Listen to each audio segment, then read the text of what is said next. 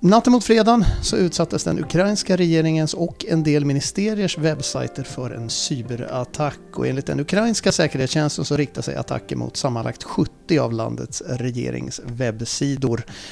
Um, ehm, och man kunde se ett meddelande som var skrivet på ukrainska, ryska och polska på sajterna och i meddelandet så uppmanades läsaren att vara rädd och vänta på det värsta. Och det angavs också att man har fått tag på personuppgifter men enligt ukrainska myndigheter så var inte fallet så. Men man fick kontrollen över webbsidorna ganska snart igen efter ett par timmar efter den här attacken. Du lyssnar på Nyhetspodden med mig Thomas Selén och jag har sällskap av Martin Krag som är Östeuropaforskare vid Utrikespolitiska institutet i Sverige. Martin, var den här cyberattacken väntad skulle du säga? Alltså den var inte förvånande. Ukraina har varit måltavla för en rad cyberattacker sedan 2013-2014 i alla fall, då den militära konflikten med Ryssland först startade med Krimannekteringen och sen kriget i östra Ukraina. Redan innan den så att säga, militära operationen började. Senare så har det också varit andra liknande eh, attacker, bland annat det virus som hette NotPetya som för några år sedan riktades mot Ukraina men blev en internationell eh, mycket skadlig attack då viruset spred sig till en rad multinationella företag som hade bas i Ukraina, däribland det danska transportföretaget Maersk. Eh, och det ledde ju till stopp i fartygstrafik och, och handel under eh, ett antal kritiska dygn som skadade ekonomin ganska kraftigt. Så att Ukraina har blivit en måltavla för sånt här förut och, och nu har de blivit det igen. Vad säger du om den här attacken och hur, hur allvarlig är den, särskilt i jämförelse med det du redan har tagit upp här? Det är lite tidigt att bedöma exakt då vi än så länge inte har sett några väldigt detaljerade rapporter. Men eh, det vi har kunnat se eh, med blotta ögat, eh, vi som så att säga är på utsidan av den här eh, debatten, eh, det är ju att hemsidor har, har blivit otillgängliga och så vidare. Men det är ju en enkel del för, för hackers att så att säga eh, göra hemsidor otillgängliga och så vidare. Det, det är ungefär motsvarar att riva ner en affisch på stan så att säga. Det, det, den stora frågan är ju om det finns väldigt mycket skadlig programkod eh, eh, som har installerats på, på ukrainska myndigheter och så vidare och som skulle kunna paralysera infrastruktur med mera. Och, och, och den frågan är ju mycket känsligare och, och, den frågan tror jag vi inte har sett ett svar på ännu.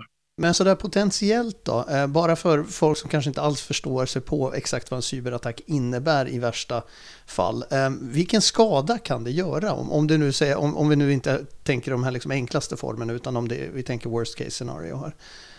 Ja, um, den typen av skada som kan ske, ja, dels är det ju ekonomisk skada, att du paralyserar handel, transport, eh, logistik. Eh, du kan också eh, förstöra eller degradera infrastruktur som vattenförsörjning, elförsörjning, tillgång till internet. Ehm, och i värsta fall så givetvis kan det leda till att människor far illa. Men ehm, men det, än så länge i Ukraina har det ju framförallt varit ekonomiska och, och skador och, och, skador på teknik och infrastruktur så att säga. Vad har det här för betydelse för att säga, den psykologiska aspekten då? Om man bortser från den skada det kan göra, till och med en sån här liksom enkel attack då, som att man tar bort sajter. Har det någon form av liksom psykologisk funktion? Det kan man tänka sig att det har. Uh, inte minst i, när två länder befinner sig i konflikt så, så givetvis förhöjer eh, cyberattacker, känslan av utsatthet. Nu har ju Ukraina under flera års tid eh, byggt upp ett cyberförsvar och, och, de har en stark kompetens. De är duktiga på IT. Eh, problemet för dem är att Ryssland också är duktiga på IT och, och de befinner sig i krig med Ryssland eh, och, och, de misstänker ju själva att den här också nya attacken som kom eh, också kom från ryskt håll. Eh, tidigare angrepp har, har attribuerats till den ryska militära underrättelsetjänsten GRU som ju är kända för att bedriva den här typ, kunna bedriva den här typen av offensiva operationer. Människor idag befinner sig ju väldigt mycket i den digitala miljön. Vi hämtar vår information i den digitala miljön via internet, sociala medier med mera. Och vi kommunicerar via eh, den digitala miljön med varandra. Och, och, och, om man då tänker sig att det här eh, är någonting som sker parallellt med en militär konflikt eh, och människor uppfattar att de inte kan få tillgång till information, att de inte kan förstå vad som händer, att de inte får kontakt med familjer eller anhöriga eller mm, berörda myndigheter och så vidare. Så givetvis eh, kan cyberattacker åstadkomma en mycket stor psykologisk effekt. Mm.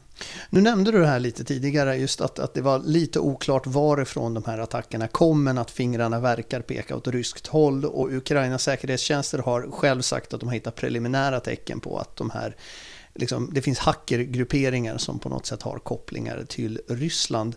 Och det är ju inte heller första gången man hör talas om olika hackergrupper som till exempel Sandworm som slog ut Ukrainas nät, eh, alltså elnätet 2015. De länkades också till rysk säkerhetstjänst att om de här mm. grupperna mm. är så kända, så var, varför kan man inte göra någonting åt dem? Um, för att uh, de uh, skyddas ju i sådana fall av den ryska staten. Um, det, det, det, finns ju många olika hackers uh, och det finns många liksom, människor med på olika platser i samhällen som, som har förmåga att utföra cyberattacker. Men, men när du nämnde till exempel Sandworm, eh, det finns andra namn på de här grupperna, APT21 eh, Fancy Bear. De har kallats lite olika saker. Samtliga dessa grupper har ju knutits till just eh, den ryska militära underrättelsetjänsten GRU. Och, och, amerikanska myndigheter har ju till och med identifierat namnen på dessa personer eh, eh, i och med att man har eh, eh, själv kunnat bedriva tillräckligt med underrättelseverksamhet mot den ryska sidan för att kunna säkerställa exakt eh, eh, vilka det är som har legat bakom dessa attacker tidigare. Så att man vet vilka det är. Eh, man har relativt god kunskap om den ryska förmågan. Men eh, det är väldigt svårt att göra någonting åt detta i och med att de befinner sig på ryskt territorium och och eh, verkar inom ramarna för den ryska staten. Vad är den ryska kapaciteten egentligen sådär om man, om man försöker se till någon slags helhet? Ehm, jag vet själv att du är specialist till exempel på desinformation och det brukar ju vara del i den här hybridkrigföringen där cyberattacker också ingår. Men vad skulle du säga just att Rysslands cyberkapacitet är då om man ska jämföra med de här andra storspelarna på, på marknaden just nu, om vi säger USA och Kina?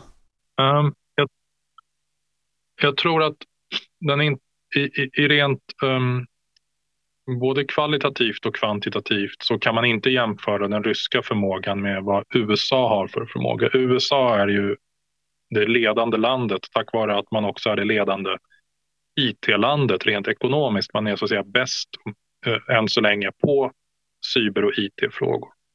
Kina är sannolikt också Eh, mer bättre, starkare rustat, men för att man har mer ekonomiska resurser än vad Ryssland har. Men eh, eh vad Ryssland och framförallt då underrättelsetjänsten har gjort sista åren är någonting som är väldigt ovanligt. Det är att man bedriver operationer, inte för att vara hemlig. Att, alltså man bedriver såklart operationer som aldrig syns och aldrig upptäcks. Men, men man har ju också specialiserat sig och nischat in sig på någonting som är operationer som framför allt syftar till att bli upptäckta. För att man vill just, de är en del av den här politiska militära konflikten och då vill man så att säga bedriva operationer som också ska få uppmärksamhet och bli omtalade och så att säga bli kända hos många.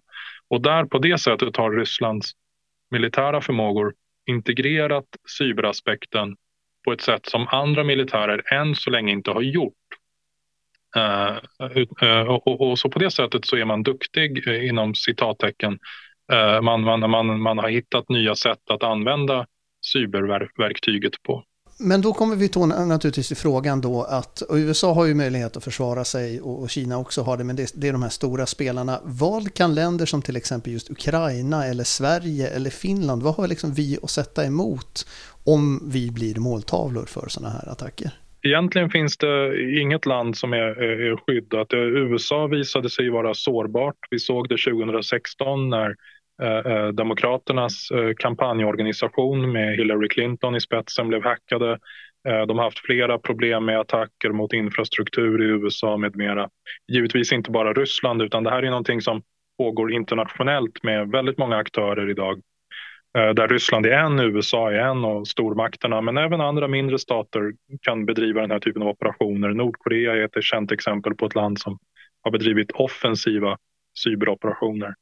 Eh, länder som Sverige och Finland är ju i en process där man fortfarande bygger upp sina digitala eh, försvarsmekanismer Och, och, och, det är någonting som kostar mycket pengar, det är någonting som kräver väldigt specialiserad kompetens och eh, eh, vi är samtidigt väldigt digitaliserade. Människor i, i Finland och Sverige använder internet, använder digitala tjänster, våra myndigheter använder mycket digitala tjänster. Så att det gör ju att vi blir ju såklart sårbara på det sättet. Hur skulle en sån här follow-up då se ut efter en sån här liksom attack? Då? Vad, vad, är det liksom desinformationskampanjer där man säger att man inte var skyldig och, och liksom vill så någon slags frö av tvivel? Eller vad, vad skulle liksom en follow-up på en sån här sak kunna vara? Um, det har, tidigare har den här typen av cyberattacker uh, ägt rum i kombination med uh, till exempel propaganda och desinformation. I Ukraina givetvis så har det ju varit en del av en pågående militär konflikt. Ehm, Eh, det kan också röra sig ibland, om det inte är statliga aktörer, om det är andra icke-statliga aktörer så har vi sett att det ofta finns ekonomisk utpressning kopplade till det. Vi såg det i Sverige för ett par månader sedan när, när handelsvarukedj, matvarukedjan eh, Coop eh, eh, paralyserades av en cyberattack där de då krävde betalt. Um, och vad som händer då är att du, du tvingas byta ut dina IT-system, du tvingas att säga allting måste göras om och startas om och du paralyserar ju uh, de verksamheter som blir attackerade. Så att uh, det, det är ju det som händer i princip. Då. Och det, det brukar ofta i sig räcka. Du, du, själva attacken i sig är ju ett budskap i sig. Sista frågan då, ehm, med tanke just då på kanske att den här inte var den allvarligaste av attacker. Vad är det Ryssland vill åt med det här tror du? Är det bara att skicka ett budskap? Um, Ryssland har ju öppet sagt att man vill ha Eh, dels respekt för vad de själva ser som sin legitima intressesfär, att man menar att länder som Ukraina, Belarus, Kaukasus eh, tillhör det historiska ryska intressesfären och att väst, alltså det vill säga EU och Nato, inte ska närma sig dessa länder och att dessa länder inte ska närma sig väst. Eh, det är ju en viktig fråga. En annan viktig fråga är ju just att Rysslands politiska ledare är missnöjda med den här europeiska säkerhetsordningen som vi har. När man menar att liksom Eh, där den europeiska säkerhetsordningen, alltså Helsingforsavtalet 1975 och Parisstadgan 1990 som stipulerar och bekräftar länders suveränitet, självbestämmande eh, och, och så vidare. Och där menar ju Ryssland att, att inte alla länder kan få göra precis som de vill för att om de menar att till exempel att ett vägval som Ukraina gör skadar ryska intressen, ja då måste Ukrainas vägval kunna begränsas. Och det här är ju den, hela den debatten som vi har sett nu sista månaderna när, när Ryssland vill förhandla med USA om de nya reglerna som Ryssland vill se. Just det, så det här är helt enkelt bara ett led ytterligare, liksom ett skott avlossat i den här stora konflikten egentligen. Ja, och, och vi befinner oss i en konflikt sedan flera år tillbaka och vi ser hela tiden hur den liksom växer och det kommer nya dimensioner. Uh, och det började ju liksom kanske med Georgienkriget 2008 men det var fortfarande relativt lugnt gentemot väst. Men det här har hela tiden växt och det är en snöboll som rullar. Och, och uh, parterna befinner sig så långt ifrån varandra att det är svårt att se exakt hur vi ska kunna få en kompromiss här i den här situationen. Tack så mycket Martin Krag för att du var med oss här i Nyhetspodden idag. Stort tack! Jag heter Thomas Selén, du har lyssnat på Nyhetspodden. Fortsätt gärna lyssna på oss i framtiden också.